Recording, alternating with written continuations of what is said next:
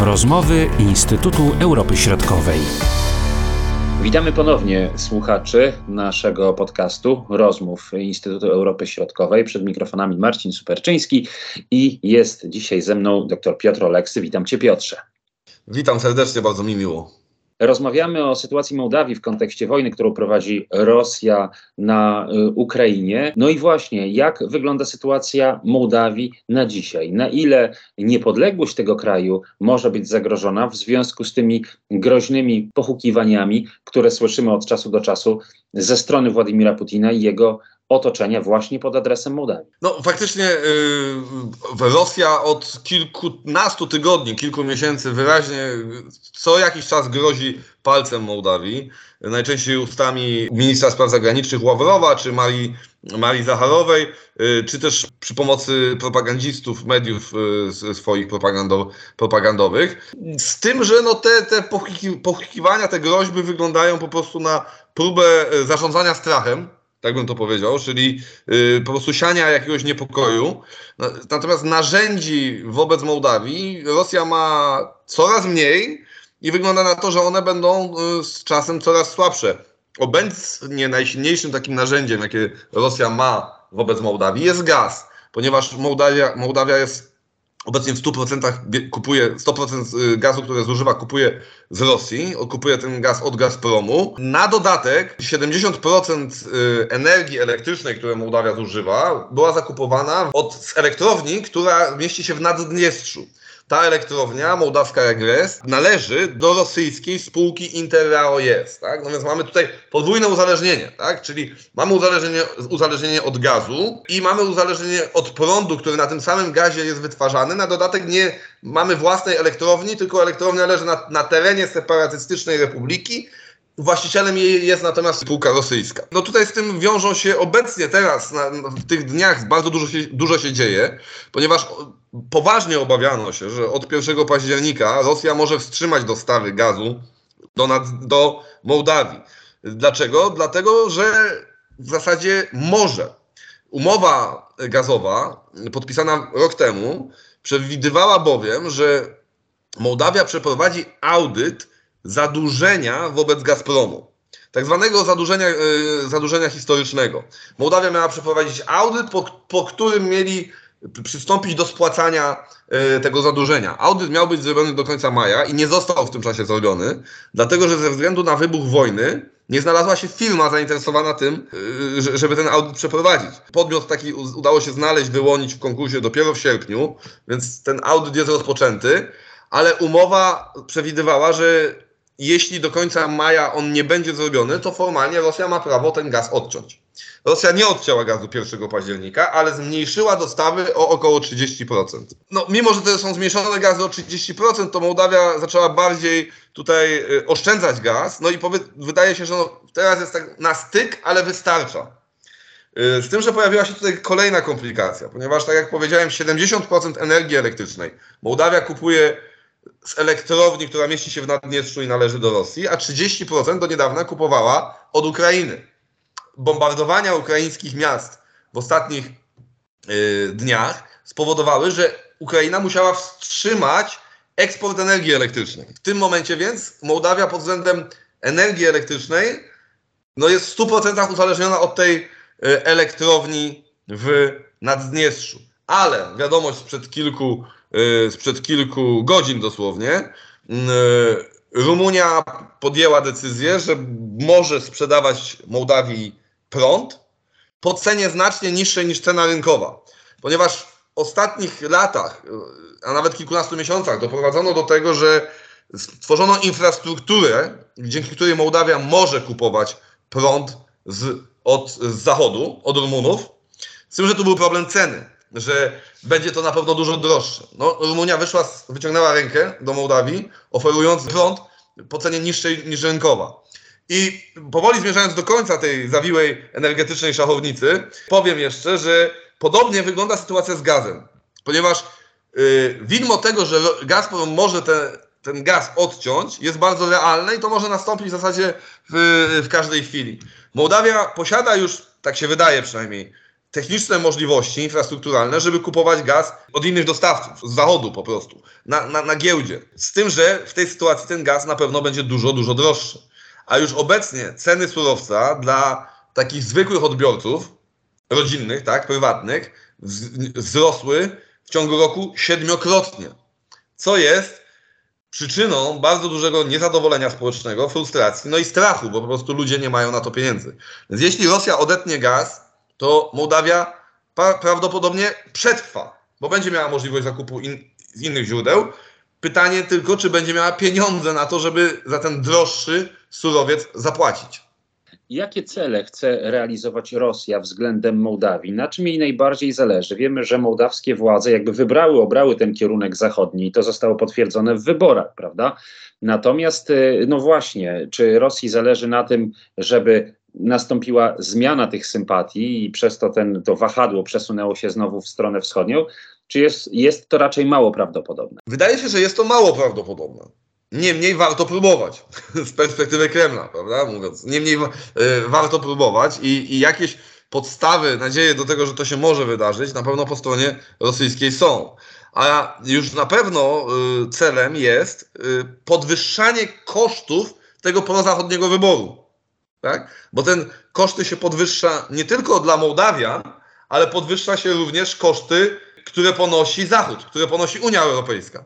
Bo jeśli Mołdawia będzie zmuszona do tego, żeby zacząć kupować gaz z zachodu, no to ktoś im będzie musiał te pieniądze dorzucić. A Unia Europejska, zarówno pod względem gazowym, jak i finansowym obecnie, no też jest w coraz trudniejszej sytuacji. Społeczeństwa europejskie są tutaj coraz bardziej zniecierpliwione, więc będzie to budzić, nie, może to budzić niepokoje, niechęć, niezadowolenie. I taki, taki w tym wypadku jest cel Rosji. Podwyższania kosztów prozachodniego z wyboru i te koszty są podwyższane zarówno dla Mołdawian, jak i dla Zachodu. Co się dzieje teraz z tymi obywatelami Mołdawii czy Naddniestrza, którzy posiadali zarówno paszporty mołdawskie, jak i paszporty rosyjskie? Została ogłoszona mobilizacja, prawda, w e, Rosji. Czy tutaj nie ma takich obaw, że te osoby będą trafiały do armii rosyjskiej? No i jak władze mołdawskie do takiej ewentualnej sytuacji mogą się odnosić? Obawy są. Mm, prezydent, pa, pani prezydent Mołdawii Maja Sandu zapowiedziała, że e, no, e, zapowiedziała kary dla, dla takich osób, y, dla obywateli mołdawskich, którzy by służyli w armii rosyjskiej. Jeszcze większe te obawy są po samej stronie naddniestrzańskiej, ponieważ mieszkańcy Naddniestrza nie mają ochoty być zmobilizowani do armii rosyjskiej i walczyć na Ukrainie. I co ciekawe, w pierwszych dniach po, po, po mobilizacji, po ogłoszeniu tej częściowej mobilizacji, naddniestrzańscy politycy w lokalnej telewizji w zasadzie uspokajali własnych obywateli, że nie ma czym się przejmować, że nas ta częściowa mobilizacja nie dotyczy, nie macie się czego obawiać. I to też jest specyficzne, tak? To pokazuje, no, że tutaj nie ma jakiegoś hura optymizmu, nie ma jakiegoś mm, takiej chęci, żeby z szablą na koniu ruszać na pomoc, na pomoc matuszce Rosji. Wręcz przeciwnie, Naddniestrze od początku podchodzi do tej wojny z dużym dystansem, y, niechęcią bym powiedział wręcz. No, to, ta wojna nie jest w interesie lokalnej elity rządzącej, nie chcą jej też zwyczajni obywatele, bo się jej boją. I nie doprowadziła ona do żadnego takiego patriotycznego, prorosyjskiego uniesienia społecznego w Naddniestrzu. W żadnym wypadku nie mieliśmy z tym do czynienia. Jeśli chodzi o nastroje polityczne e, w Mołdawii, czy tutaj zdecydowanie właśnie ten wybór jest ten prozachodni, czy istnieją siły, które będą starały się podważyć ten kierunek. Jak sam powiedziałeś, warto próbować, tak, jak to mówi się z rosyjskiej perspektywy, ale czy właśnie jest kim tutaj zagrać? Sytuacja jest bardzo specyficzna. Mołdawii rządzi i samodzielną większość w parlamencie ma partia aktywności i solidarności, PAS, yy, której takim realnym, realną liderką jest prezydentka Maja Sandu i ten obóz y, no, uzyskał 100%, y, znaczy pełnię, pełnię władzy, bez żadnego koalic koalicjanta nawet. Oni są u władzy już trochę ponad rok i poparcie dla PAS spada. Według wielu y, sondaży ono wynosi teraz około 19-20% y, tylko, co, co, co jest niskie, niskim, nis, niskim jakby, niską skalą poparcia. Wynika ten spadek poparcia przede wszystkim z tego, że bardzo rosną ceny, co powoduje że niezadowolenie, frustrację i obawy według wśród obywateli. Poza tym brakuje też wyrazistych sukcesów w tych obszarach, które oni obiecywali, czyli przede wszystkim w walce z korupcją. w walce z korupcją, w walce z, z, z tymi patologiami. Y, I to nie chodzi o sukcesy w walce, y, znaczy sami Mołdawianie mówią, że wiele się zmieniło, tak? Znaczy korupcja przestała być tak dotkliwym problemem, ale oni chcieliby czegoś więcej, tak? Chcieliby, żeby zostali ukarani ci, którzy za obecny stan państwa są y, odpowiedzialni, a to oczywiście tak naprawdę nie dzieje się często z, z dnia na dzień, więc to poparcie mm, dla PAS spada, ale jednocześnie nie bardzo miałby kto sięgnąć po władzę ponieważ największa frakcja parlamentarna opozycyjna to jest blok socjalistów i komunistów, y, który to znajduje się w stanie swoistego paraliżu politycznego.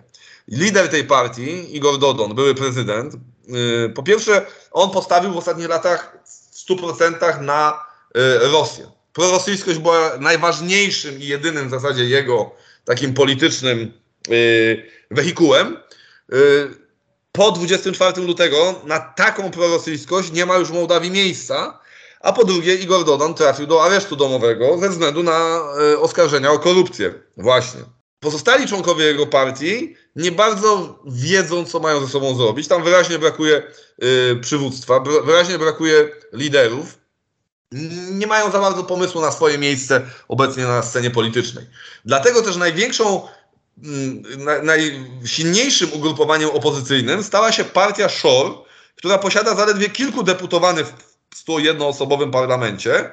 Jej liderem jest Ilan Shore, oligarcha oskarżony i prawdopodobnie faktycznie winny, współwinny słynnej kradzieży miliarda, kiedy to z trzech banków wyprowadzono wartość jednego miliarda dolarów. Z tym, że Ilan Shore znajduje się na emigracji w Izraelu, gdzie chroni się przed mołdawskim wymiarem sprawiedliwości. Ilan Shor jest obywatelem również Izraela.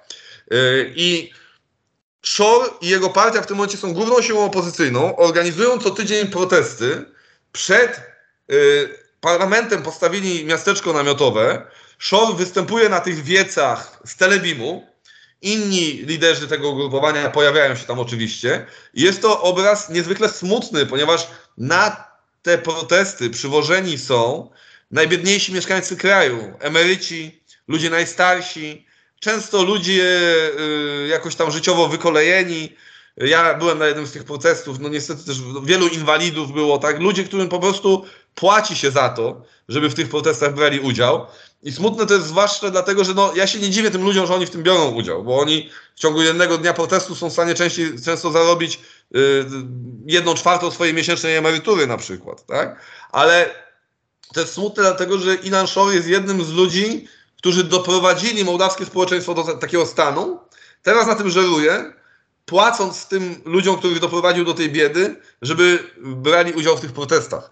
Mało tego, Shor, który jest w oczach dużej, większej części mołdawskiego społeczeństwa skompromitowany, y, stał się teraz, został namaszczony niejako przez, y, przez y, rosyjskich propagandystów na lidera mołdawskiej i to prorosyjskiej opozycji. Tak? To jest nasz człowiek, na, nasz człowiek Mołdawii, co też pokazuje, gdzie ta Rosja w Mołdawii teraz się znalazła, że jeśli muszą się, jeśli Szor jest przed ich człowiekiem w Mołdawii, no to, to pokazuje tak naprawdę rozpacz po, stronie, po stronie Rosji. Więc sytuacja na scenie politycznej no i w tych, jeśli chodzi o tę nastroje, podsumowując, jest y, zawiła, dlatego że mm, nie ma, y, wybory odbędą się dopiero za trzy lata.